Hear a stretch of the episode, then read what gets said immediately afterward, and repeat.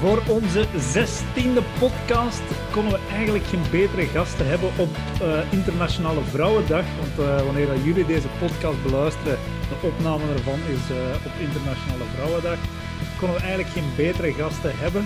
En dat is Alicia Frank. Voor degenen die haar misschien niet kennen, Alicia is op dit moment zeer bekend als professioneel veldrijdster. Maar ze is niet begonnen in het offroad fietsen met het veldrijden, maar meer bepaald met het mountainbiken. En met Alicia gaan we het natuurlijk zoals elke week hebben over haar offroad fietsen. Hoe dat zij begonnen is met het fietsen, hoe dat het allemaal geëvolueerd is. Haar persoonlijke top 3 resultaten. En natuurlijk eindigen we altijd met haar twee favoriete offroad fietsplekken. Ik kijk er in ieder geval naar uit, hopelijk jullie ook. En ik heet Alicia van harte welkom. Alicia, goedenavond. Hallo, goedenavond. Dus met de vraag waar we altijd mee beginnen, welke offroad fiets heb je nog in je garage staan? Momenteel is het eigenlijk eh, niet zoveel om over te vertellen. Enkel mijn crossfiets. Dat is ooit anders geweest met een aantal mountainbikes. Um, nu zijn het ja, drie crossfietsen, drie mhm. dezelfde. Um, drie keer Ridley X Night SL. Ja. Um, hopelijk komt er daar deze week, volgende week, misschien terug een mountainbike bij. Dat is een beetje een primeur, maar het is wel de bedoeling om uh, komende zomer mijn oude liefde terug een beetje op te rakelen. Um, voorlopig niet met heel veel ambitie, gewoon om te zien welk niveau dat ik haal, maar het kriebelt toch. Right, dat is wel leuk om te horen. Dat was eigenlijk een van de vragen die ik ging stellen. Ik ga het terug mountainbiken, maar ze is al beantwoord. Ja. Dat is deze. Ik kan er niet lang over zwijgen. Super. En weet al welke fiets dat het gaat worden? Nee, nee dat zal wel via de ploegsponsor uh, Fietsen van Eyck zijn. Ja. Maar zij uh, gingen eigenlijk kijken wat er nog uh, beschikbaar was in de kleine maten die ik waar ik mee rondrijd. Dus het is een verrassing en ik hoop dat ze mij snel gaan verrassen ook, want ik wil als we aan het beginnen. Zalig. Want nu zit in een rustperiode, denk ik, hè?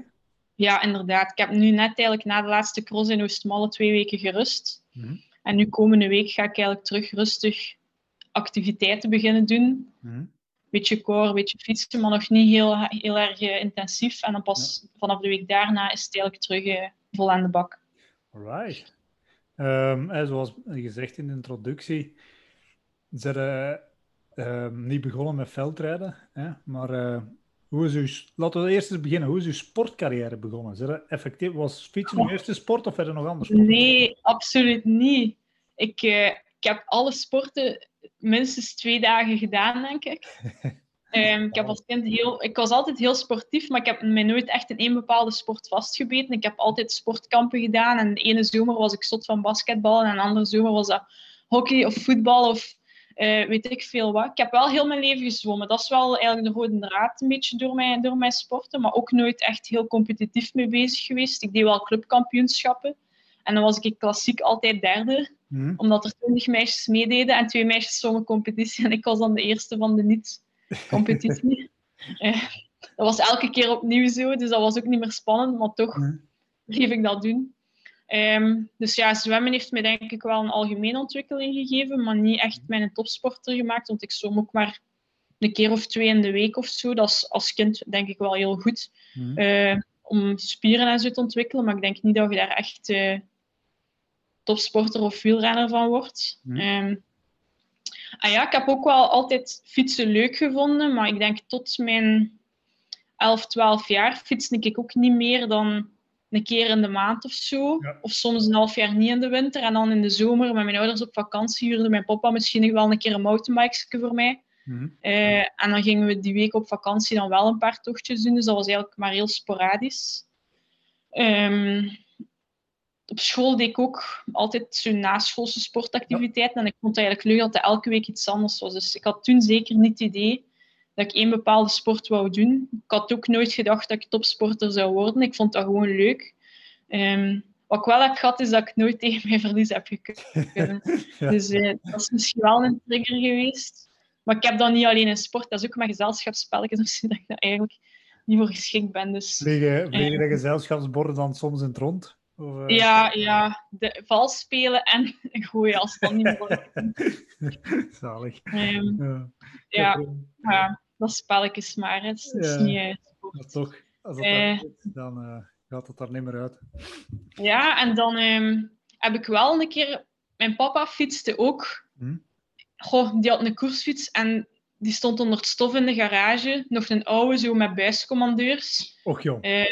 Er zit ook een snee in het zadel bijvoorbeeld, omdat hij een stuk hout heeft afgezaagd om daarop te leggen. En dus dat is allee, een beetje... Dat was geen wheeler-minded eh, mens of zo. Maar die deed wel eens voor te lachen, ik denk met een maat of zo, de fietsdodentocht in Bornem. 100 Hm. kilometer met de fiets. En ik was een jaar of tien en dat leek mij echt een, een eindeloze tocht. En ik wou mee. Mhm. En ik had dan een meisjesstadsfiets met een rechtstuur met barhands op. Ik vond dat er chic uitzien. Ja, nu achteraf bekeken, dat zag er totaal niet uit op, op een stadsfiets. maar toen vond ik dat leuk en daar heb ik mee gefietst. Waarschijnlijk een hele dag onderweg geweest, ik weet dat niet meer. Eh, want ik kon toen helemaal niet snel fietsen of zo. Eh, maar dan wist ik wel van, oké, dat fietsen, dat is tof. Mhm. En mountainbiken, dat had ik gezien op tv en zo, dat vond ik chic. Dus dan ja, werd ik 11 of 12 en deed ik mijn plechtige communie. Ik moest een nieuwe fiets, dus dan was wel de keuze snel gemaakt van, ja, ik wil een mountainbike krijgen. Mhm. En eh, zo ben ik met mijn papa toertochten beginnen doen, die fiets beginnen meenemen op vakantie. En ehm, ja, met- doordat mijn papa ook niet uit het wielrennen kwam en dat hij ook altijd alleen maar met mij ging fietsen, had hij ook snel door van ja, ze wil daarin verder gaan, maar ik kan haar niks leren. En zo zijn we eigenlijk op zoek gegaan naar een club. Dat bestond toen niet, jeugdclubs. Nu zijn er overal mountainbikescholen en initiatieven, maar dus ik spreek over 2006, dat bestond niet. Hè? Als wij naar een club aanschreven om, om als mountainbiker lessen te volgen of bij te leren, want ik had dat in mijn hoofd, zoals bijvoorbeeld een zwemles voor kinderen gaat, Mhm. dat bestond niet en ze keken ons raar aan. Maar ja, je bent, je bent klein, gaat jij kunnen volgen met ons? Nee, natuurlijk niet. Ja, nee, nee. En toen had, had ik het geluk dat eh, de Waasland Mountainbike School ja, ik dacht dat wel ontstaan is. En daar ben ik dan mee beginnen meegaan. En daar hebben ze gezegd, zou dus geen koersje doen. Ja. En ja, ik heb daar eerst wel mee gelachen. Maar dan toch eens een dikke bandenrace gereden. Ah ja, dat ging direct goed. En ja, als kind, als je een sport, een wedstrijdverband doet en dat gaat direct goed, ja, dan, dan blijf je dat doen. Hè. Mhm. Ehm, en dan fast forward 2021. Zalig. We gaan, eh, we gaan er toch eens, toch eens een beetje over gaan, want uiteindelijk, je kunt wel fast Ja. zeggen, uit 2021, maar daar zitten wel... eh, Dat was gewoon de lange introductie. nu. Ook goed. Wat weet je zeggen? De Waasland, eh, de Waasland Mountainbike School, denk 2000 Ja. zoiets ontstaan, dacht ik. Hè? Ja, ja. Daar, ben ik, daar was ik van de eerste dag wel bij. Ja. En daar was, dat was eigenlijk wat ik het liefste doe, hè, technieklessen. En dat was niet op conditie of dat ging niet over snelfietsen. Dat is gewoon, kun je dat bergsken af, kun je dat bergsken op. Hoe snel, hoe snel gaat deze bocht? Of Mhm. hij, hoe ook het klassiek spelletje was. Dus hij het parcours zonder remmen rijden. Ja. Is. En toen waren er nog V-brakes, hè. dat was dan nog echt zonder remmen. Hè, want je kon die openzetten en dan kon je echt niet stoppen. Ehm, dus dat is ja, hoe ik toen techniek heb geleerd. Ja, en 26 inch. En nu dat ik ook dus die dikke banden... Ja, ja, 26 inch V-brakes, dat was toen het ging. Ook een vering dat bijna niet veerde. Ehm, wel veel woog, maar ja, toch was dat nog altijd de fiets. Dat, ik- ben nog nooit zo blij geweest met de fiets als mijn eerste mountainbike. En, ehm, Weet je jawel, merk dat dat was? Toevallig. ja, dat was een witte Specialized Hardrock. Ik heb hem nog. Ik heb hem gewoon nooit verkocht om, omdat dat niks meer waard was. Maar nu verkoop ik hem niet meer omdat dat mijn eerste was. Dus Ja. hij, hang- hij hangt hier nog. Niet meer op gereden, maar ja. Ja, als je dat, als je dat Is- vergelijkt met de fietsen, allee, mountainbikes dan nu, Ja, dat is niet te dat vergelijken. gewoon niet meer is- te vergelijken. Hè. Dat is echt waanzin Nee. dat geëvolueerd is.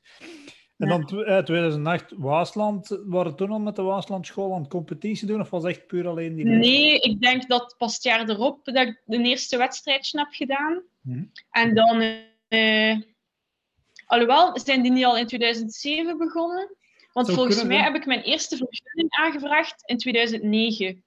Maar dat is dan ook zoiets, dan zeiden mijn ouders van ja, regelt dat zelf maar. eh, Mhm. je moet dat zelf doen. En wij voeren nu, maar daar bleef het ook zo wel wat bij. Dus ik heb nooit ouders gehad die mij gepusht hebben, in tegendeel. Ja. En eh, ja, ik was toen 14, dus dat is ook niet zo vanzelfsprekend. En ik had dan ook pas ongeveer rond mei uitgevogeld hoe dat, dat moest om die vergunning aan te vragen en, Mhm. en, en te doen. Dan ben ik ook dat seizoen gewoon in mei begonnen. Dus het is ook totaal niet dat we daarmee bezig waren. Dat het seizoen in maart begint of zo. Dat was ja, gewoon van, is er van het weekend iets?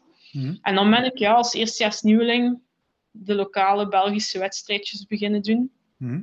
En dan het jaar erop kon ik naar, eh, nodig mountainbike-team gaan. De witte, Bij jou? Ja, de witte truitjes met de blauwe strepen. Ja, ja. Dus, ehm, Toen, eh, ja. Toen werd alles blauw. blauw, dat is juist, dat is juist. Voor degenen die, ik moet maar eens opzoeken, voor degenen die het niet kennen, Nodogs was een fietskledijmerk dat ons toen sponsorde, of mij achter dat verhaal zat ook. Ehm, en daar is Alicia, ja, daar zouden eigenlijk steviger aan competitie beginnen doen. hè. Ja, daar ben ik echt wel... allee, als ik daar ben beginnen rijden, had ik zo wel iets van, oké, ik wil er iets van maken. hè. Het is Ja, niet en- enkel... En toen viel het al op dat als je iets in je kop had, eh, dat het te moeilijk uit te krijgen was. Ja, dat is wel... Ja, dat En ik koppig ben, heb ik wel vaker gehoord, maar ik probeer dat toch ook als een sterkte en als nee, maar dat is ook. Dat is, en, en, Ehm. dat is het verhaal wat je net ook komt te vertellen van dingen en van eh, je spelletjes die je graag wint, niet graag verliest. Mhm. Dat is uiteindelijk, Ja. en dat, dat heeft ook gemaakt tot wat dat je nu zei, een professioneel sportster. Ja, dat denk ik wel, want er zijn ook wel veel tegenslagen geweest. En het is ook Mhm. denk ik misschien mijn koppigheid die elke keer heeft gezegd van ik ga mijn eigen hier niet door laten klein krijgen. Ehm, ja, en achteraf ben ik daar heel blij om, want er zijn wel veel momenten geweest ook waar dat ik dacht van oké, dit, dit is het. Ja, en, en want inderdaad, wat je tegen, zelf vertelt, blessures tegenkomen, eh, andere tegenslagen, bepaald moment de combinatie met de studie. Hè? Ja, Eh, want eh, je ook niet dat, op een bepaald moment, ja, groeit door, je twee jaar bij ons, dan ga je door naar eh Nomadesk zeker. ja, ja. Was toen ook een mountainbike team. Ehm, n- maar wa- wa- waren toen al de combinatie aan het maken met het veldrijden of nog, nog niet? Nee, nog niet. Ehm, toen deed ik eigenlijk nog cross-country. Mhm. Ik heb daar gereden als laatste jaar junior en als eerste en tweede jaar belofte. Mhm. Maar dat was eigenlijk vooral een, een marathonteam en ook niet echt met jeugd. Ja. Ehm, dat waren meer elite- en mastersrenners. En eigenlijk, ja, ik wou echt verder gaan in die cross-country en dat werd Mhm. daar niet, niet geapprecieerd. En ehm, om een duur was het eigenlijk meer een, een, een club in mijn ogen dan een wedstrijdteam. Want ik Ja. kon, kon podia rijden in cross-country wedstrijden en dat werd dan eigenlijk niet geapprecieerd omdat Ja. ik niet meeging naar de marathons die dikwijls eh, minder prestige hadden of ja, in het buitenland waren, waar dat ik dan dacht van ja, zijn op vakantie of zijn de aan het koersen? Ja, dat is juist. En ehm, De dochter komt op het wekelijks bezoekje tijdens ah, de ik zie een deurtje opengaan. Kom je Hallo, gaan? Wat zeg je tegen Alicia? dag. Ga je slapen? Ja. Allee, kijk maar zo. Allee, dan niet. Slaap lekker. Slaap wel, hè, makkelijk. Ja, laat ik er ook Te altijd in zitten. Laat ik er ook altijd in zitten in de opname. Dus, hè, we waren aan het vertellen, Nomadesk, hè, dan... Ja, ja, dus dat was eigenlijk ja, een beetje verschillende doelen die boven kwamen. Mhm. Ik, had, ik had helemaal geen zin om marathon te doen, omdat ja, ik, ik was ook allee, nog jonger als nu. Ik denk dat je dat niet, dat, dat niet de bedoeling is dan. Mhm. En ik wou ook wel echt die wereldbekers doen en prestaties opzoeken. En dat, ja, dat, dat matchte niet. En als ik niet mocht afwijken van hun programma, ja, dan, dan scheiden op een bepaald moment de wegen. Mhm. Ehm, en dan heb ik twee jaar eigenlijk voor een privéteam gereden, waar dat vooral Nicola Varians van Bike 7 eigenlijk Ja. een aantal sponsors bij elkaar heeft gebracht. En ik reed toen op fietsen van Bike, Ja. eh, met Cannondale. En dan net eigenlijk ja, op die manier toch best wel eigenlijk een goede omkadering qua materiaal en zo. Mhm.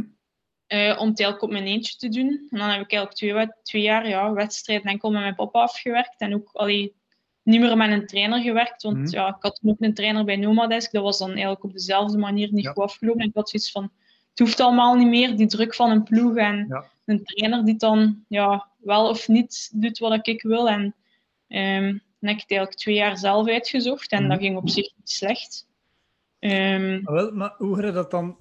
Dat vind ik wel interessant, ja, omdat ik dan natuurlijk zelf nog altijd trainer-coach ben. Ehm, hoe, heb je dat, je dan zelf uitgezocht? Hoe, hoe begin je daaraan zelf? Oh, ja, op zich had ik ook wel ervaring, maar doordat ik ehm, twee jaar bij u getraind heb en dan een aantal jaar bij een andere trainer van die andere ploeg. Mhm. Dus op zich had ik wel een idee van, oké, een opbouw ziet er zo uit. Een dag voor de wedstrijd moet een beetje losfietsen. Een dag na de wedstrijd, oei, wacht, mijn, ja, mijn computer viel in slaap. Ehm, dus ja, op zich van de basisideeën had ik wel Mhm. al redelijk wat geleerd. En dan voor de rest, ja, achteraf bekeken trainde ik die periode ook helemaal niet zo goed. Mhm. Maar wel volgens wat ik toen wist en ook Ja. volgens de tijd die ik toen had. Want ik zat toen ook op de hogeschool. Dus eigenlijk ging ik gewoon gaan fietsen op de, op de uren dat ik geen les had. En als ik maar een uurtje tijd had, dan ging ik met mijn mountainbike gas gaan geven. En dan wa- was dat intensief. En als Ja. ik drie uur tijd had, dan reed ik rustig. Mhm. En eh, ja, blijkbaar ben ik daar dan toch beter van geworden. Ja, Eh, ja, dus eh, wat ik, ja, dat was eigenlijk een beetje mijn plan. En ook doordat ik naar school ging, heb ik ook maar misschien één dag in de week veel tijd. En dan was dat automatisch mijn duurtraining. En dan had ik wel af en toe nog eens een uurtje. En dan ja, was dat ook automatisch intensiever. Want als je maar een uur de tijd hebt, ja, dat, wat moet je dan doen? Dus Ja. eigenlijk wees dat ook zijn eigen wat uit door de omstandigheden. En kon ik ook niet meer doen door school. En denk ik dat ik toen ook wel in de jaren nog zat eh, als atleet, dat je ook eh, met niets doen beter wordt. Gewoon door de leeftijd en ook doordat ik, ja, je weet dat ook bij de nieuwelingen en bij de juniors, eigenlijk nooit echt volume had getraind. Ja.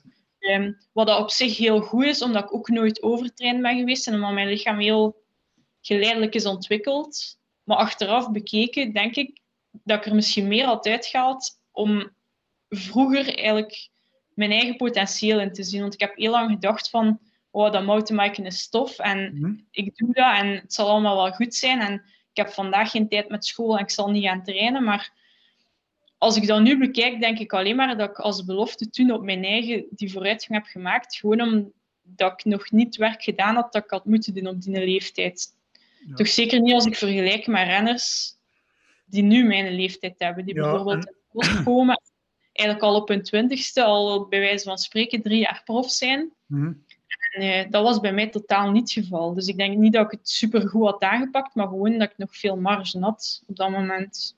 Nee, maar dat, dat is inderdaad, klopt ook wat dat je zegt. Hè. Je, had op dat moment, bij wijze van spreken, een overschot ehm, of een potentieel dat je nog niet had aangesproken. Ja, Wat dat je natuurlijk nu ook wel ziet is, en, en, en ja, doordat ik er zelf nu 12 jaar in zit, eh zie je die evolutie van. Ik begeleid nu ook anders dan 10 jaar terug, bij wijze van spreken, Mhm. omdat je meer kennis hebt. Maar omdat je ook, ook inziet dat. ehm eh, moet ik dat zeggen? Je ziet dat op de weg zitten dan, maar evenzeer in het cyclocrossen.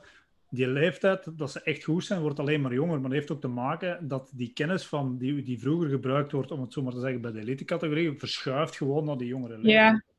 Het wordt vroeger professioneler en of dat, dat echt goed is, dat weet ik ook niet. Ehm, want natuurlijk wordt, merk ik dat er van renners Mhm. nu veel meer wordt verwacht op jonge leeftijd dan tien jaar geleden. Want ik weet dat ik tien jaar geleden heel veel te horen heb gekregen van ja, het is pas bij de elites dat begint. Ja. Terwijl nu hoor ik dikwijls al van een eerste of tweede jaar belofte die nog geen prof zijn, dat ze de druk voelen. Hè? Terwijl Ja. dat ik denk van, het is nog zo lang. En dat, ja, dat ligt ook wel een beetje aan de ploegen. Volgens mij op de weg zie je dat heel veel. Hm. Dat is, allee, bij de mannen dan, want bij de vrouwen is, wordt er niet zo gesmeten met de profcontracten. Maar zo juniors prof maken en zo, ik vind dat eigenlijk gewoon heel veel druk op jonge mensen leggen. Hm. Los van het feit dat ik wel geloof dat er jongens zijn die daar capabel voor zijn. Maar dat dat gewoon ja, op mentaal vlak en op Hm. eh, qua levensontwikkeling, dat je dat niet kunt vragen van een 18-jarige. Ja, en weet je wat je ook hebt, is dat, en dat, dat is hetgeen wat nu aan het gebeuren is, een stuk. Hè. Je hebt een paar witte merels in, in het profpeloton, die, en ook, Mhm. bij de vrouwen ook, hè, die, die er bovenuit steken. En in één keer is, wordt dat de norm. Maar Ja, ja, inderdaad. de uitzonderingen. Hè. Mhm. En, Ja, en dat- dat denk ik dat eigenlijk een beetje ja, in de algemene opinie wordt eh, vergeten. Mhm. En ik vind dat ook geen goed idee, ehm, omdat dat veel meer de mogelijkheid wegneemt van jonge renners om eerst te studeren en om dan voor hun profcarrière te gaan.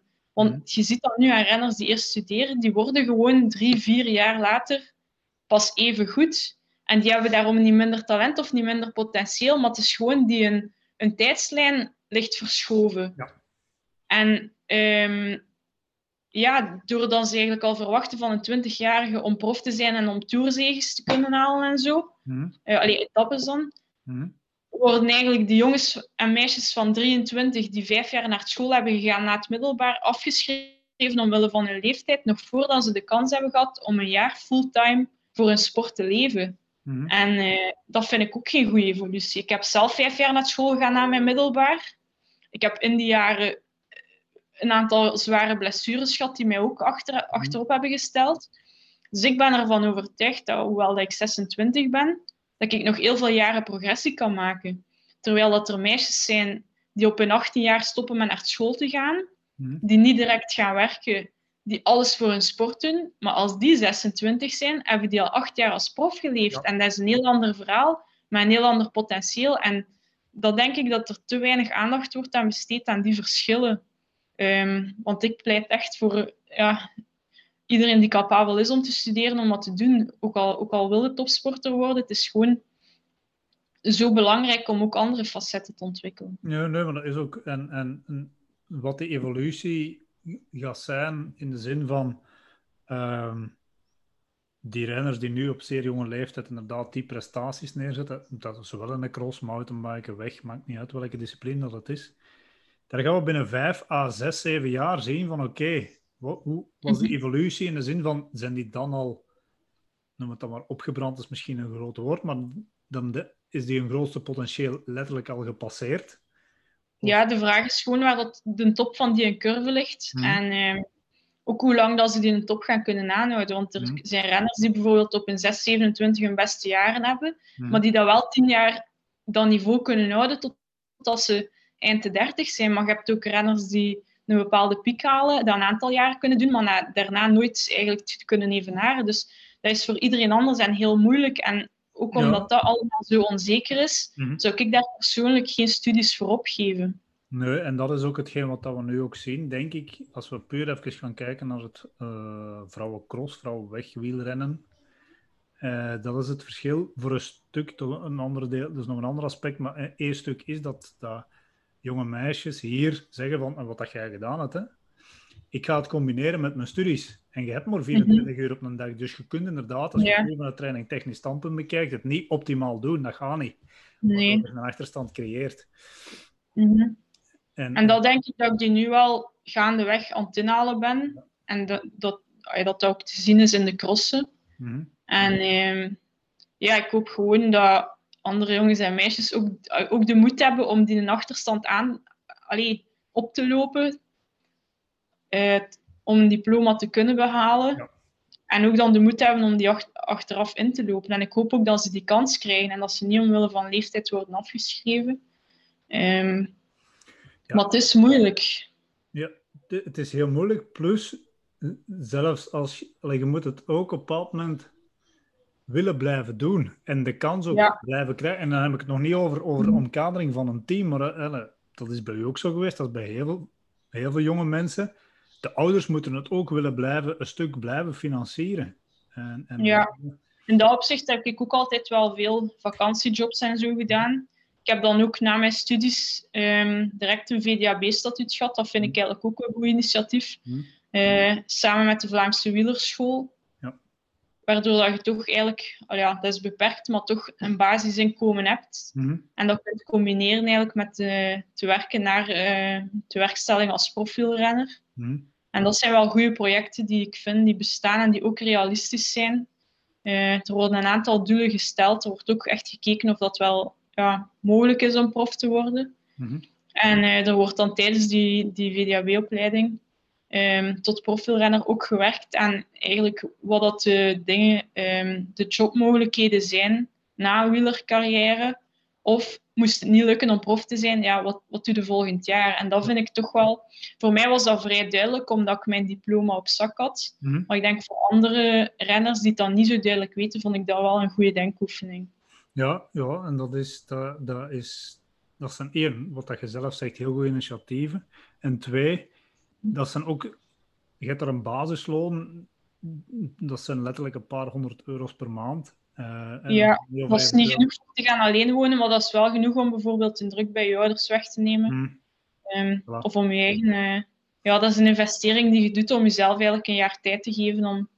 Maar dat, uh, woord, dat woord vind ik een hele belangrijke, die investering. Hè, want er zijn ook weer daar jongens, meisjes, mannen, eh, mannen vrouwen die moment zeggen, ja, ik moet echt, ik moet echt wel geld gaan verdienen. Of meer geld Ja, dat is ook zo. Dat was bij mij ook zo. En ehm, ik ga eerlijk zijn, als ik gewoon had gestudeerd, dan ging ik ook een jaar vroeger zijn afgestudeerd als ik niet had gekoerst.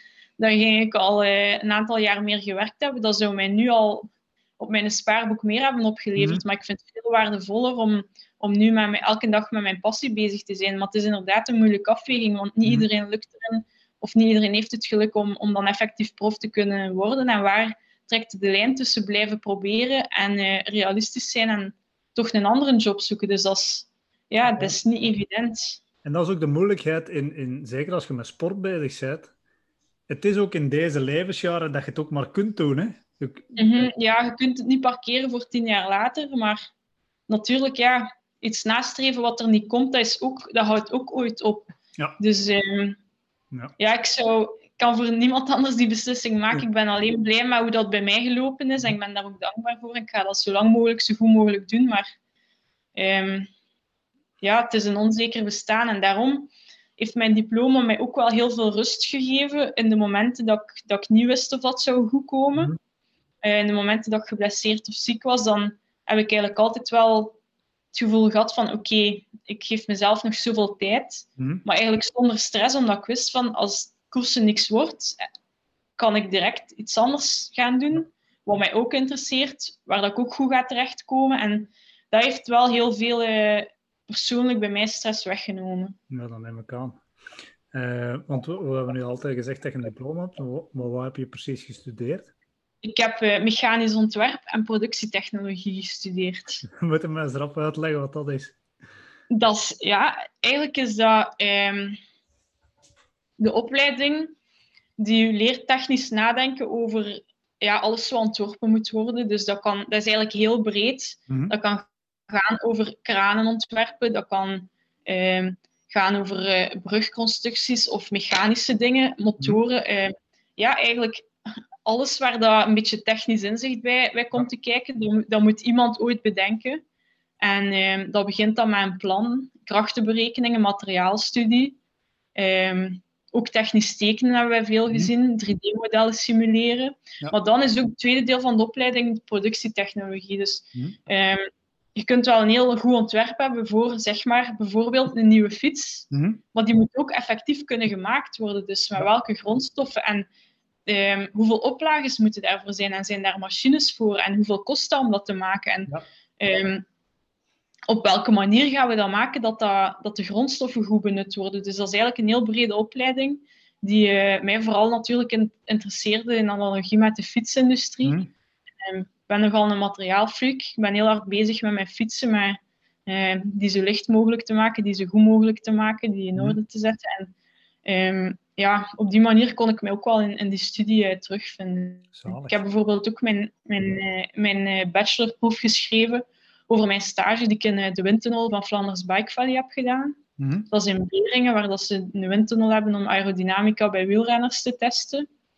Ehm, en mijn job was daar eigenlijk de calibratie van de windtunnel doen, Mhm. maar hem ook aanpassen zodat hij nauwkeuriger meet. Dus ik heb eigenlijk met de testen op zich niet veel te maken, maar ik heb de constructie aangepast, Mhm. zodanig dat de resultaten nog nauwkeuriger werden eh, in de tunnel. Lijkt me kei interessant, sowieso. Ja. Maar dat is pure wetenschap. Allee, vooral veel wiskunde, hè, denk ik. Ja, veel wiskunde en vooral ja, eigenlijk mechanica, hè, logisch Ja. nadenken, krachtenleer. Ehm, en ja, dat is, dat is wat ik graag doe. Dat is wat ik al van kinds af heb gehad door eigenlijk altijd zelf aan mijn fiets te sleutelen. En dat is wat ik dan ja, heb kunnen uittypen. En wat ik ook hoop eigenlijk om na mijn actieve carrière als renner toch wel in verder te gaan. Want nu, we, zijn, we zijn nog een stuk aan het overslagen, maar dat, daar hebben we het straks over. Ik vind dit kei interessant. Ehm, op een bepaald moment stopt uw carrière, wie er carrière, dat gaat stoppen ergens. Er- Mhm. In wat richting wil je dan uitgaan met, met die studies? Ja, ik zou graag wel ergens in, in, in het ontwerp van eh, de, de wielerbranche komen. Hè? Dus ehm, ja, de fiets verbeteren, nieuwe technologieën, eh, bestaande technologieën verbeteren, nieuwe Ja. concepten. En ook dikwijls komen ingenieurs wel met, met een idee of Mhm. met een tekening van zo willen we het doen. Maar dan zijn er ook nog mensen die dat in praktijk moeten brengen. Je ziet dat ook Ja. vaak bijvoorbeeld met auto's. Ze hebben dan eh, een concept car die heel mooi is en grafisch en alles in orde. Maar dan moet er wel iemand zijn die zegt van oké, het is niet enkel een klein model of een tekening. Hoe gaan we dat echt maken? En dat is ook wel iets wat ik graag doe. Is eigenlijk een concept in realiteit eh, omzetten. Ja, dat is, dat, is, dat is inderdaad een belangrijk stuk in heel dat proces. Want ja, je kunt wel een fantastisch idee hebben, maar als je het niet kunt omzetten, wordt het moeilijk. Ja, ja. Tof. Maar we zijn eigenlijk een heel stuk overgeslagen. Hè? Op een moment waren het mountainbiken hè, met Bike 7 op uw trui. ja inderdaad. Naar het begin. en En, eh, toen begonnen we de combinatie wel te maken met het veldrijden. Hè? Ja, ja, dat was eigenlijk... Want toen had ik naar, allee, voor mijn gevoel best goed gedaan in een mountainbike. Ik was dan ook tweede geworden op het Belgisch kampioenschap, wat achter Gita Michiels op dat moment hoogst haalbaar was. Hm? Ik was toen ook nog belofte altijd bij de elite moeten rijden, dus op zich was ik wel tevreden. Hm. Ehm, ik heb toen een- ook een aantal wereldbekers eh, als belofte gedaan, maar die zijn Ja. eigenlijk door materiaalpech twee keer tegengevallen.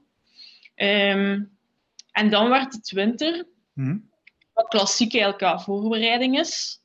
Ehm, en dan heeft er iemand een keer voor te lachen tegen mij gezegd van waarom ga je in de winter niet crossen? Maar ik ken helemaal niks van cross. Ik had nog nooit op een crossfiets gezeten. Ik kende niemand dat crossen. Ik was alleen maar met mountainbiken bezig. Ehm, maar de fietsenwinkel waar dat ik toen voor reed, dat was eh, Bike Hm? in Nottingham. Ja. En die hadden dat ook gehoord. En die zeiden, maar weet je wat, als je wilt crossen, dat komt op tv, wij vinden dat wel tof. Mocht je van Mhm. ons, eh, krijg je korting op een crossfiets. Ja. En ik een keer mijn haar geschart, een keer gekeken op de website van Cannondale. Oh, dat zag er wel tof uit. Ik zeg, weet je wat, waarom niet? Nee. Dus ja, dat was ook in, goh, ik denk eind december of zo dat we dat beslist hebben. Dus echt midden in de voorbereiding, midden in het crossseizoen. Dat was totaal niet doordacht of voorbereid. Maar dan had ik toch een crossfiets en ik was daar een keer op gaan fietsen. En eh, ja, dat bolde wel goed, dat was wel tof. Hm? En dan zag ik op de kalender dat er eh, een paar dagen later een B-cross was in Lokeren. Dat is keidig bij mij thuis. Ik ben van Lucristie, dat is 10 kilometer of zo. Dus dan, eh, ah, weet je wat, waarom niet? Ik ga daar een keer starten. Eh, ik had toen twee keer op die crossfiets gereden. en ik startte eh, in Lokeren, in een B-cross. En ik woon toch wel niet. dus ja, En toen? dan dacht ik van, ah, tja, er zit precies wel iets in. En eh, dan heb ik dat seizoen nog uitgemaakt met eh, een aantal UCI-wedstrijden. En dat ging eigenlijk ook best wel goed. Ik denk dat ik top 15 of zo reed. Hm? Eh, ik weet het eigenlijk niet meer goed.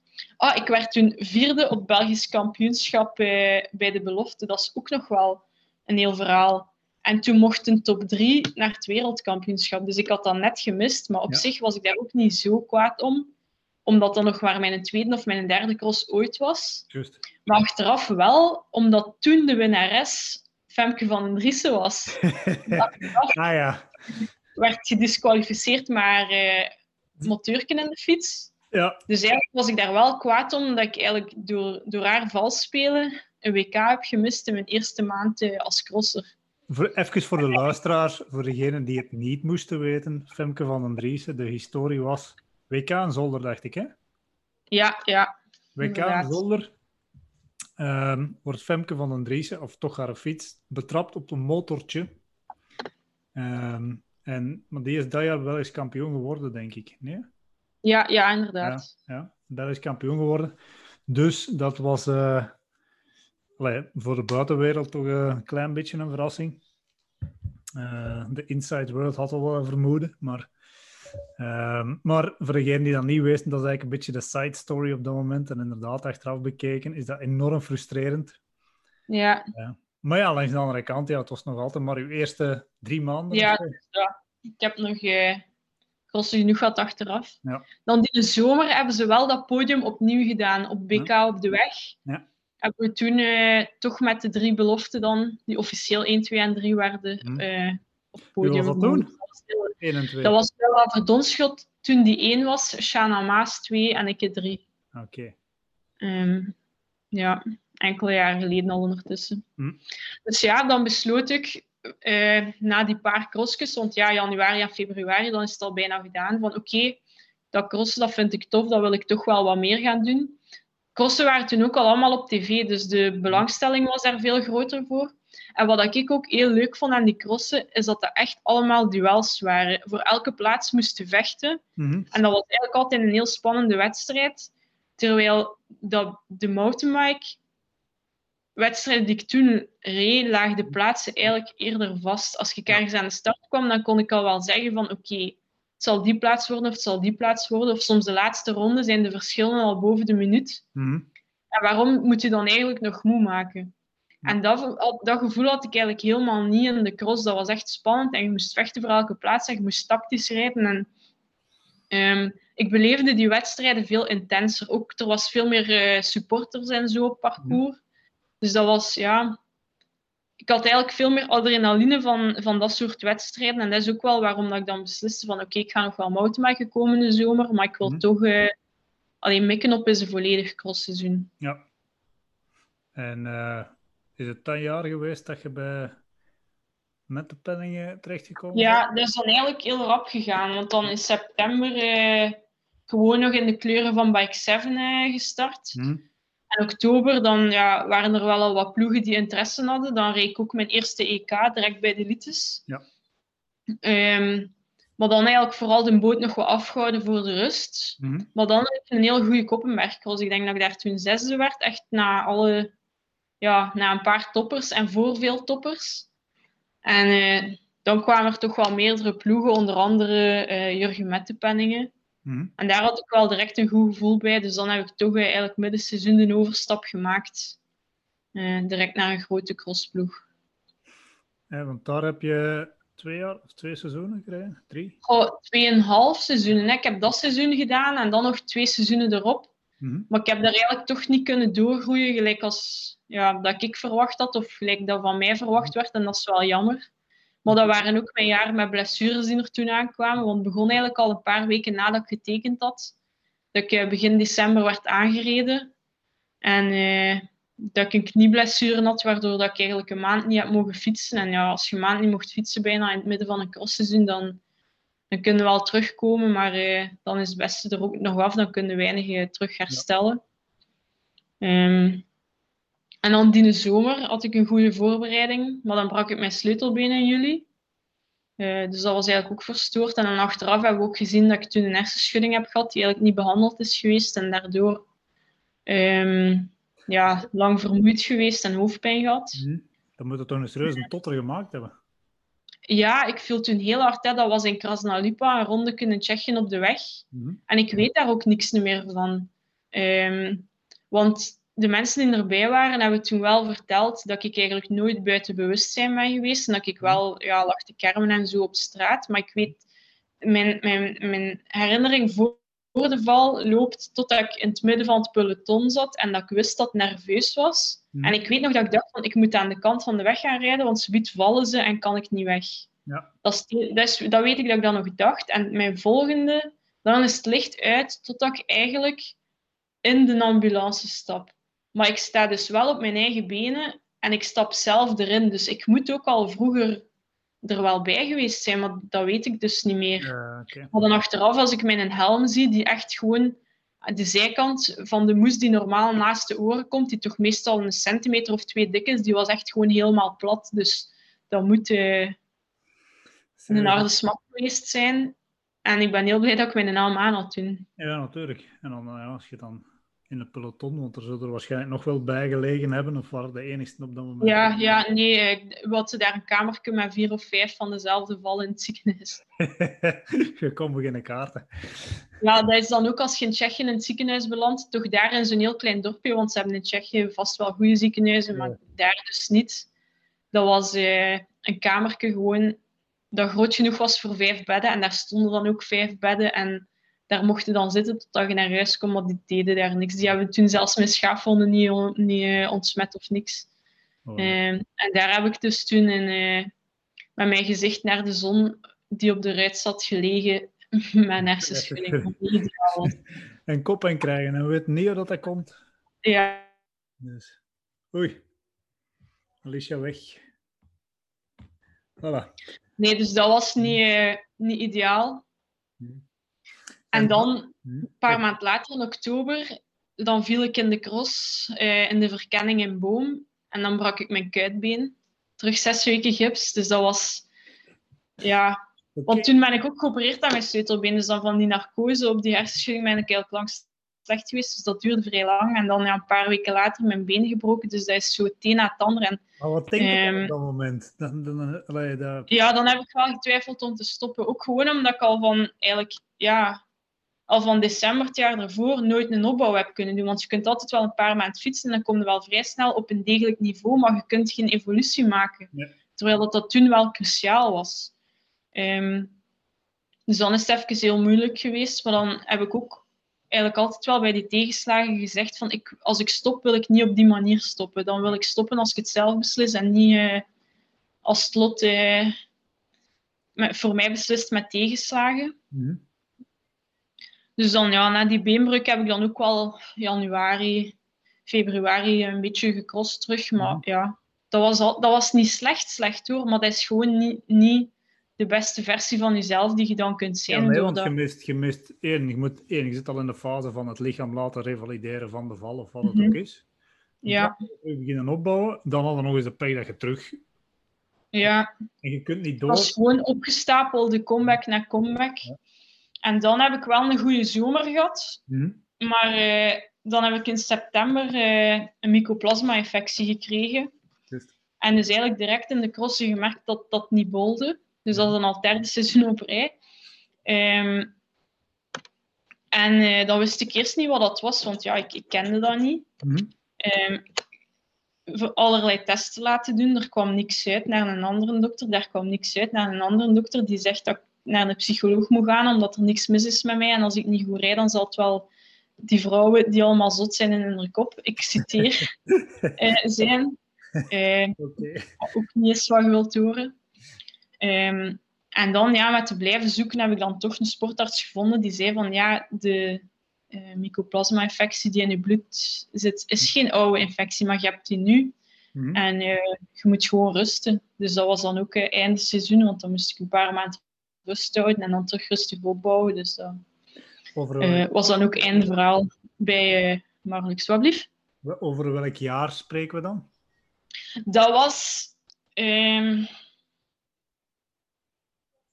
het jaar, het seizoen 18-19, dat ik die mycoplasma-infectie had. Ja. En dan, een keer dat ik daarvan hersteld ben, is het wel goed beginnen gaan. Dan heb ik een goede zomer gehad. En dat was het crossseizoen 1920. Ja. Uh, dan heb ik bij Experza gereden. Dan heb ik goed gereden, dan heb ik gewonnen. Dan uh, was het eigenlijk het eerste jaar dat ik een stap kon maken, eindelijk. Mm -hmm. Na zo lang uh, de grote belofte geweest te zijn, dat ik toch het gevoel had van, ik kan het wel. Ja. Um, en dat was toen mijn... E Wat blief? Dat jaar gewonnen in Otegem, dacht ik. Ja, ja inderdaad. Ja. En dat was toen dus eigenlijk mijn eerste volledige crossseizoen. Joehoe! Um, ja. Zeg maar, die en dan nu... Ja. Wat doet dat met een mens? Dat was heel veel. Dat is eigenlijk, ja, de ontlading op dat moment is heel groot, omdat hmm. ja, de tegenslagen van de vorige jaren nog wel fris in het geheugen liggen. En ook, allee, cross krijgt veel aandacht, maar daardoor krijg je ook veel negatieve reacties als je dan zogezegd wordt gecatalogeerd als belofte en dat dan niet helemaal kunt waarmaken. Dus dat was zowel het moment dat ik wist van kijk, ik kan het wel en oké, alles moet meezitten en oké, ik ben geen, geen Alvarado misschien, mhm. maar het zit er wel in en het moet eruit komen en geef mij nog een jaar en er zal nog meer uitkomen. Dus dat was echt wel, dat heeft het geloof in mezelf heel hard... Um, een boost gegeven. Ja, toch wel. En ook vooral omdat dat een parcours was dat ik eigenlijk op voorhand dacht dat ik niet goed kon. Mm Dat was mijn hele lange start en een lange strook op de weg, waar eigenlijk, ja, ik ben meer het explosieve type, dus dat, dat was niet op mijn lijf geschreven. En dat was dan de dag na nee, twee dagen na het Belgisch kampioenschap, waar ik echt niet goed was. Uh, dus die teleurstelling was er nog wel. En dan ja, dat ik zo kort daarna, want toch een van mijn beste crossen ooit kon rijden, dat, uh, dat heeft veel recht gezet. En dan, dat was nog het jaar Experza. En ja. sinds dit jaar, of het seizoen dat geweest is, ja. zit het bij Proximus, want zegt hij nou Inderdaad. juist? Want... Proximus, Alpha Motorhomes en Dolcini. Oké. Okay zijn onze drie grote sponsors. Oké. En uh, voor degene die ze nog niet kent, zijn de paarse tenues met de paarse helmen. Ja. En hoe, was, hoe is dit seizoen geweest? Uh, heel goed. Ik ben er zelf heel tevreden over. Uh, begin van het seizoen was ik eigenlijk niet goed begonnen. Ik ben mhm. dan veranderd van trainer. En nu heb ik echt eigenlijk ja, het gevoel dat ik op mijn plaats zit. Ja. Dat ik iemand heb die mij begrijpt, die ook allee, aan carrièreplanning doet, die rustig mhm. nadenkt. En ik denk dat dat ook te zien is in mijn resultaten, dat ik eigenlijk naarmate dat seizoen vorderde alleen maar beter werd. Um, met dan een zesde in Oostmallen in een parcours waar dat iedereen van dacht dat ik dat niet kan. um, Zit er zo'n toon in van, zie Ja, ja, dat is ook zo. Ik dacht ook zelf dat ik dat niet kon. Maar uh, we hebben deze winter veel op het zand getraind, eigenlijk met, met oog op 2K in Oostende. Ja. En dan uh, loont dat blijkbaar toch. En naar Oostmalle was ik ook wel de woensdag gaan verkennen. En dan eigenlijk ja, met een heel goed gevoel van verkenning gekomen. En dat doet voor mij wel veel. Er zijn zo'n paar wedstrijden waar dat ik echt op voorhand ja, mijn werk van gemaakt heb, om het zo te zeggen. En dan voel ik ook dat ik soms in de wedstrijd echt boven mezelf ja, een beetje kan uitstijgen. En um, ja, dat is wel een fijn gevoel. En die wedstrijden waar dat ik dan zelf... Dat gaat niet altijd over het resultaat, maar gewoon waar dat ik zelf meer mee ben bezig geweest. Die zo'n projectje zijn geweest. Dat, um, dat zijn toch ja, die energie geven en die uh, veel voldoening scheppen. Soms meer dan een onverwacht goed resultaat. Want nu dat je dat zegt, het, dat vind ik wel een leuke. Eh, je maakt er dan een projectje van. Ja. Hoe, hoe, hoe, doe je dat concreet? Is dat dan zeggen, eh, like nu met Oostmalle bijvoorbeeld? Goh, Oostmalle was... Er aandacht aan. Um, het is de laatste. Mm Dus we gaan een gezallen uit de kast halen. Mm dat weekend was een dubbel weekend met Sint-Niklaas en Oostmalle. Sint-Niklaas is niet zo'n specifiek parcours, maar is ook wel snel.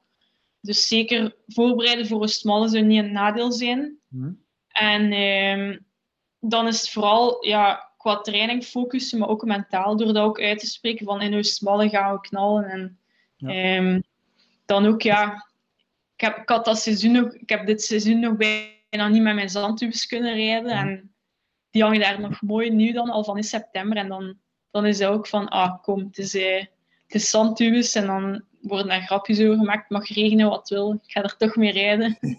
um, Nee, dus ja, vooral eigenlijk het mentaal opleven, uh, opladen en er naartoe leven. Maar dan ook ja, specifiek in de trainingen wel snelheid opzoeken voor, Oost, allee, voor die uh, ja, aan het parcours in Oostmalle. Mm -hmm. Oostmalle zijn veel bochtjes en korte acceleraties. Dan ga ik ook dat wat meer gaan doen. En dan is eigenlijk het allerbelangrijkste die verkenning die we woensdag hebben gedaan. Um, daar alle lijnen gaan rijden. Het was daar woensdag, denk ik, ja, heel druk. Er waren veel renners met hetzelfde idee. Mm wat dat goed was, want dan kwamen er heel snel sporen die vergelijkbaar zijn met de sporen in, uh, in de wedstrijd. Want ik denk als je op zo'n parcours gaat gaan rijden in het midden van de zomer, als er niemand heeft gereden, dan is dat bijna niet te vergelijken. Mhm. Dan is eigenlijk gewoon veel zand waar je moet doorduwen, terwijl dat net in de spoorrijden is, wat dat een zandcross een zandcross maakt. Ja. Um, dus ja, dat heel veel gedaan. Bocht opnieuw, bocht opnieuw. En dan ook ja, dat blijven doen, doen totdat ik mij niet meer kon inbeelden dat ik uit het spoor zou rijden. En dat is eigenlijk wat je nodig hebt. Is, is niet naar, naar een spoor gaan en denken van oh nee, ik ga ernaast rijden, ik ga moeten lopen. Dat, want zo dacht ik vroeger wel eens, omdat ik nooit echt een zandspecialist ben. Maar ik heb daar nu zoveel op geoefend en ook ja, mij er zo mee bezig gehouden dat, dat ik echt gewoon mezelf moet van overtuigen van oh, die bocht, daar ga ik doorvlammen. En als ik mijn ogen dicht doe, dan kan ik alleen maar zien dat ik er kei snel uitkom. En ja, dus het visualiseren. Ja, ja, inderdaad.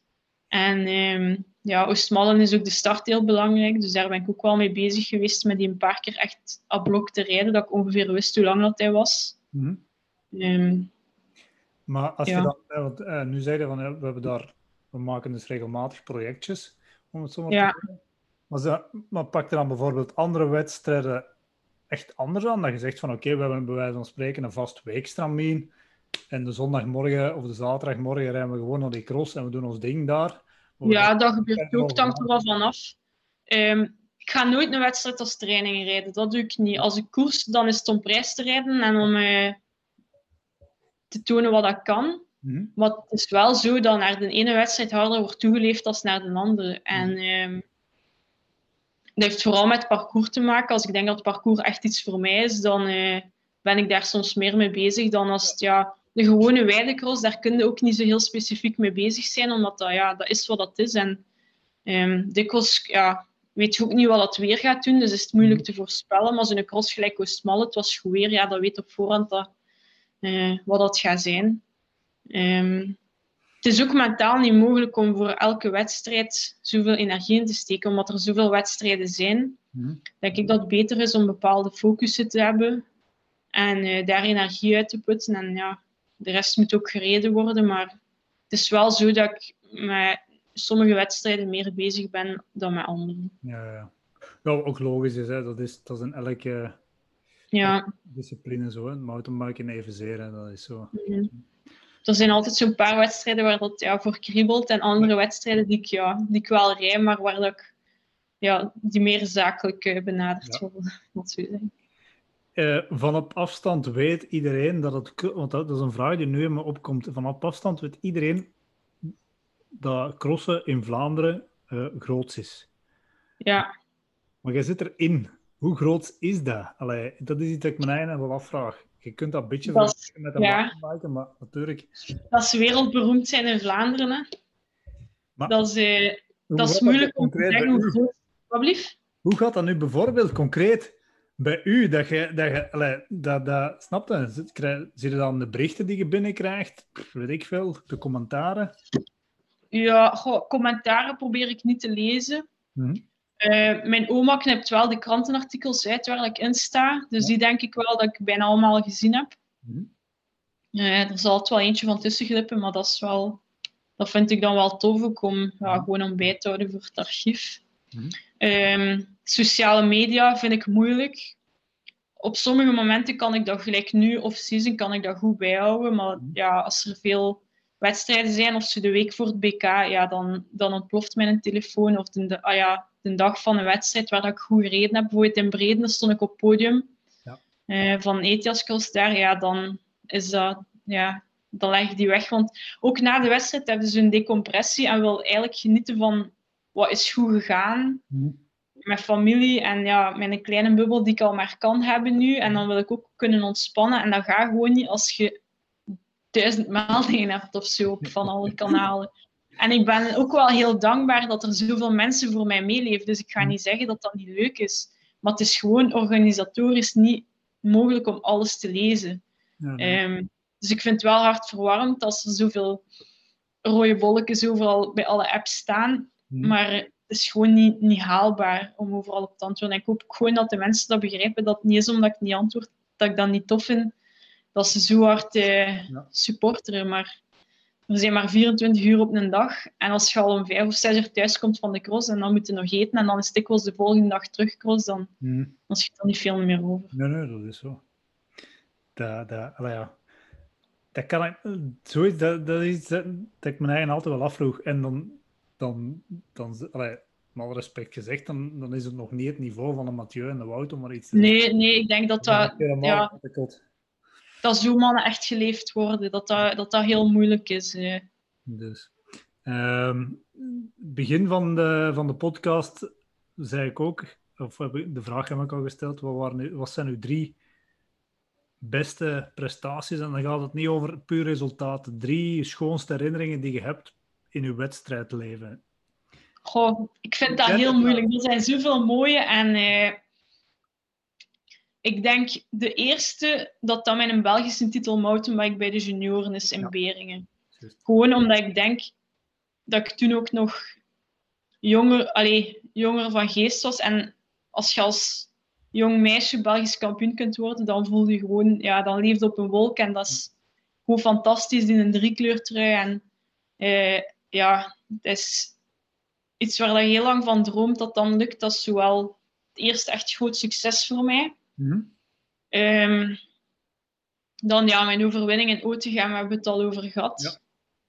En dan zijn er zo nog wel een paar wedstrijden die misschien niet altijd door het grote publiek gezien worden, maar waar dat ik wel voor mij persoonlijk zo weet van ik kan het. Waar dat ik eigenlijk mezelf meer verbaas dan dat ik misschien de journalisten of de supporters verbaas. En dan zijn dat wedstrijden waar dat ik aan denk, bijvoorbeeld eh, de Wereldbeker in Hogerheide vorig jaar waarschijnlijk gaat niemand nog weten dat ik daar dertiende werd, maar ik wel. Mhm. Want ik startte daar op de, op de vierde rij. Mhm. En ik ging achtste het veld in, wat dat op zich eigenlijk al eh, straf is om dat zo van mezelf te zeggen. Gewoon omdat dat, ja, je moet er maar tussen geraken. En heel veel wedstrijden lukt dat niet. En daar ja, ging de zee precies open. En eh, ik kon naar voren rijden. En dan zat ik eigenlijk al na de eerste ronde naar blok. En ik dacht, dat komt hier niet goed. Maar dan kon ik ze toch altijd net accrocheren. En dan was ik dertiende. En dat was toen mijn beste wereldbekerresultaat. Ja, niet moeilijk. Ik stond altijd de vierde en de vijfde rij. Mhm. Want door veel blessures bouwde ook geen UCI-punten op en staat slecht in de ranking. Dus eigenlijk, ja, doordat in de start zo veel beter was dan wat ik ooit had mogelijk geacht, en dat ik dan ook ja, mijn beste wereldbekerresultaat tot dan toe kon rijden. En dat was ook weer een wedstrijd die een projectje was geweest, waar ik de woensdag was gegaan. Ik kende die startklim heel goed, Ja. want dat ziet er vlak uit in de start op tv, maar dat is dus echt lastig bergop. Ehm, ja, dat is een wedstrijd waar dat ik dan zelf ja, heel veel voldoening van heb achteraf. Mhm. Nog zo'n wedstrijd, dat was bijvoorbeeld het Belgisch kampioenschap afgelopen zomer, die over Tigenberg ging. Ja. En ehm, ja, het was wel vrij duidelijk dat het een sprint ging worden, omdat eigenlijk ja, de toppers heel hard aan elkaar gewaagd waren. Maar daar heb ik dan ook mezelf verbaasd door eigenlijk altijd bij de eerste te kunnen bovenkomen. Tot zelfs de laatste ronde eigenlijk in het wiel te kunnen blijven. Even, denk de derde of de vierde ronde, even weg geweest boven eh, op Tiga met Kopecky en Jolien Doorn. En dat ik op zo'n momenten, oké, ik weet dat, dat de streep niet boven ligt. Mhm. Dus dat ik ook niet de meest verstandige koers heb gereden, maar dat ik op zo'n momenten wel bij die dames boven kan komen. Dat, dat zijn dan dingen die ik niet op voorhand had durven zeggen dat ik dat kon. En dat is eigenlijk de wedstrijden, dat zijn de wedstrijden die mij bijblijven, waar dat ik beter doe als dat ik zelf geloofd had. Dat is wel cool. Ik vind het echt wel, vind het echt wel cool. Want dat, dit zijn zo, bij wijze van spreken, verha- verhalen die je anders niet leest. In de... Nee, dat is waar. Ja, de mensen verwachten dan waarschijnlijk dat ik mijn podium in Bredene ging zeggen, maar Want daar, Daar heb op ik het podium in wel Brede, goed gedaan.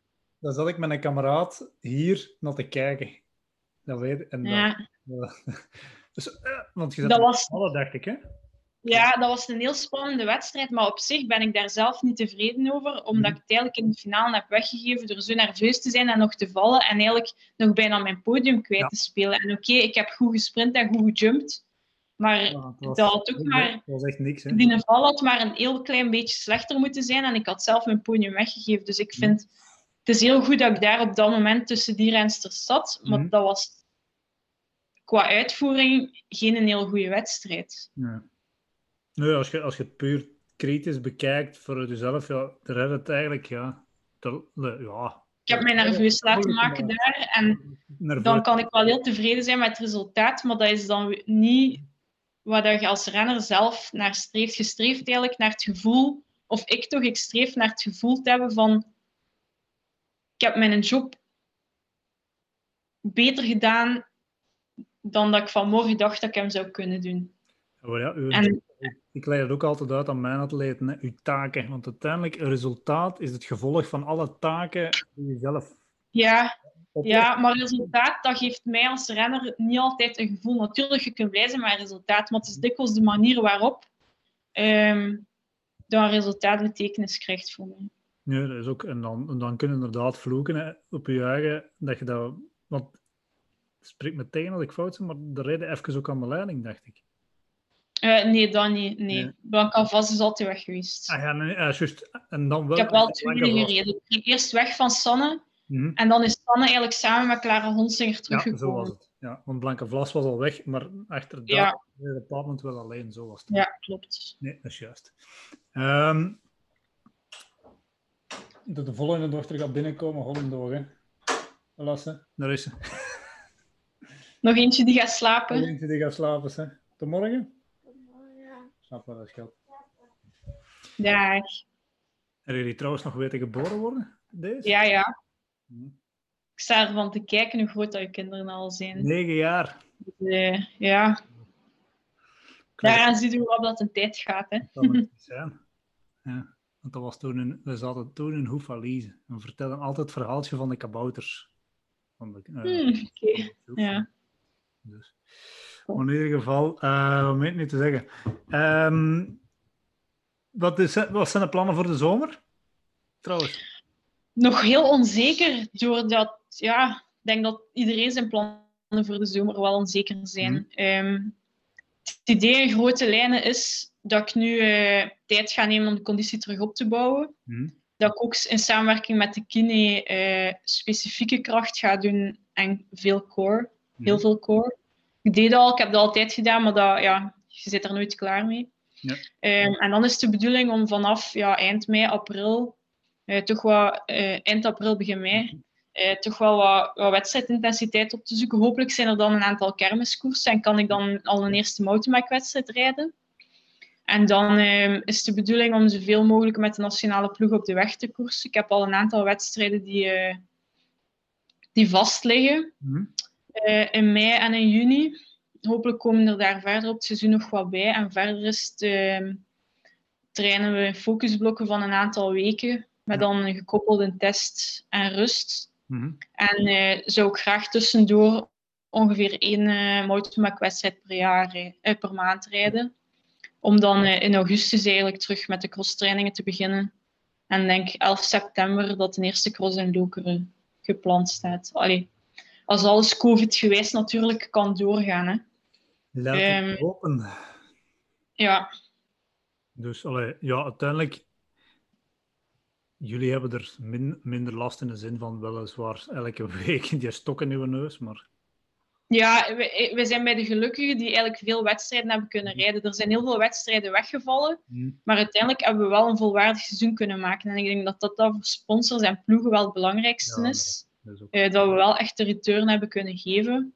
Eh, als renner is dat moeilijk natuurlijk, want doordat er weinig wedstrijden waren, kwamen alle goeien ook altijd bij elkaar. Terwijl op andere jaren hm, kun je hoogbezette crossen hebben, wereldbekers waar dat iedereen is, klassementscrossen iets minder bezet, maar nog altijd de toppers. En Mhm. dan ja, de losse crossen of zo, waar dat al eens gemakkelijker is. Of bijvoorbeeld gelijk een Otegem voor mij om een keer te winnen. Ja. Dat was nu niet. Als je kijkt naar de bezetting, was eigenlijk elke wedstrijd wereldbeker waardig. En dan kunnen ze wel vragen van, allee, hoeveel keer heb je de top 10 gereden en je hebt niet gewonnen van het jaar, maar dat is... Ja, dan moeten ze de startlijsten eens erbij nemen voordat ze de resultaten bespreken. Hè. Dus daarom is het eigenlijk voor de subtoppers als ik een moeilijk seizoen, omdat Hmm. de concurrentie altijd heel hoog was. Ja, dat zit in de drie disciplines. Hè. In het mountainbiken zie je dat op dit moment ook. Hè. Er zijn er Ja. een paar in het buitenland en dan zie je constant die absolute wereldtop die Mhm. daar aan het rijden is. Met hier en daar Ja. een verandering die niet mee. En dan kun je wel van cross naar cross gaan, maar je komt elkaar altijd terug tegen. Je kunt Ja. niet ontwijken. Dat is, eh, Dus, eh, en was dat echt letterlijk elke week die, een ding, een, een test of wat? eh, ja. Oh, ja, op zich, dat is ook niet zoveel moeite. Dat is bij een dokter bij het laten langs gaan. En op zich, als het dan veilig kan, dan is het, eh, is het wel oké. Ja, Maar ja, financieel is dat ook wel een beetje een tegenvaller, want het is niet alleen voor mij, het is ook voor mijn twee mechaniekers in de post. hm, Dus als ik moet testen, dat is, ja, dat is drie keer 46 euro per week. Hè. ja. Ehm, dus in dat opzicht is het een heel dure winter geweest. Maar ja, we mogen nog altijd niet klagen. Nee, Ik denk dat de horeca en de artiesten en zo het allemaal veel moeilijker hebben. Dus ik wil ook niet eh, nee, nee, negatief overkomen. Want het is wel een kanttekening eh, in het hele verhaal. Het is ook gewoon, allee, ik toch, en ik denk dat er velen zijn, die blij waren dat er sport was om naar uit te kijken. Ook al stond er Mhm. Ja, Om het anders doen, hè. Ja, je kunt niet. Dus, Ja, eh, je inderdaad. kunt niks. Dus eh, dan besefte dat, je, dat sport wel een belangrijke bijzaak is. Als je, eh, Ja, dat, dat wel. Alicia, we gaan het stilletjes afronden, maar de, waar ik altijd mee eindig is ehm uw twee favoriete offroad plekjes, zowel in eigen land eentje als in het buitenland. We beginnen in eigen land. ik denk in eigen land dat ik niet lang moet nadenken en dat ik Hoefalize kies. Mhm. Omdat dat... Ik vond dat al mythisch en spannend, nog voordat ik er geweest was. Gewoon van als kind in de boekjes te kijken en dan mijn eerste mountainbike-ritjes daar. En daar dan ook als junior mijn eerste wereldbeker mountainbike gereden. En Ik herinner, ehm, me de stofwolk. al zo lang... Wat blief? ik herinner me de stofwolk nog. ja, dat lijkt, dat lijkt al zo lang geleden, maar dat is toch...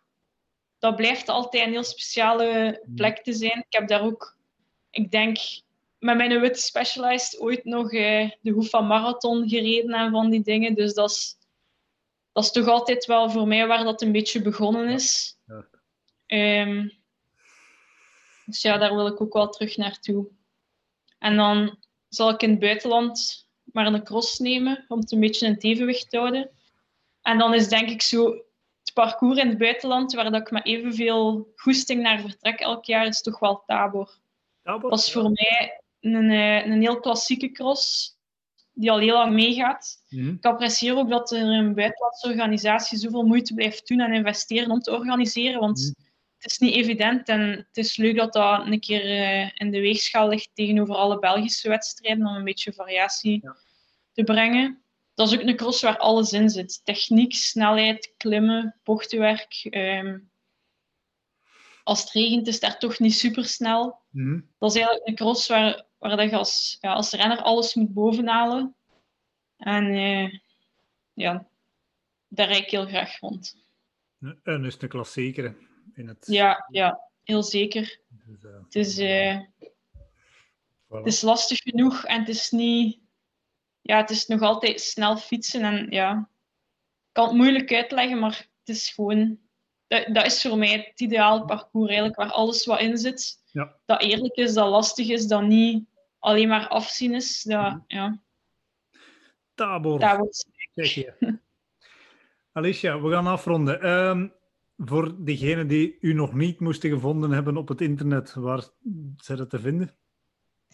Ik heb een Facebookpagina. Mm um, ik kan helaas geen vrienden accept meer accepteren, want dat zit vol. Mhm. Maar mijn pagina is eigenlijk waar um, ja, updates over de koers en zo terechtkomen. Dus dat is wat de mensen moeten liken.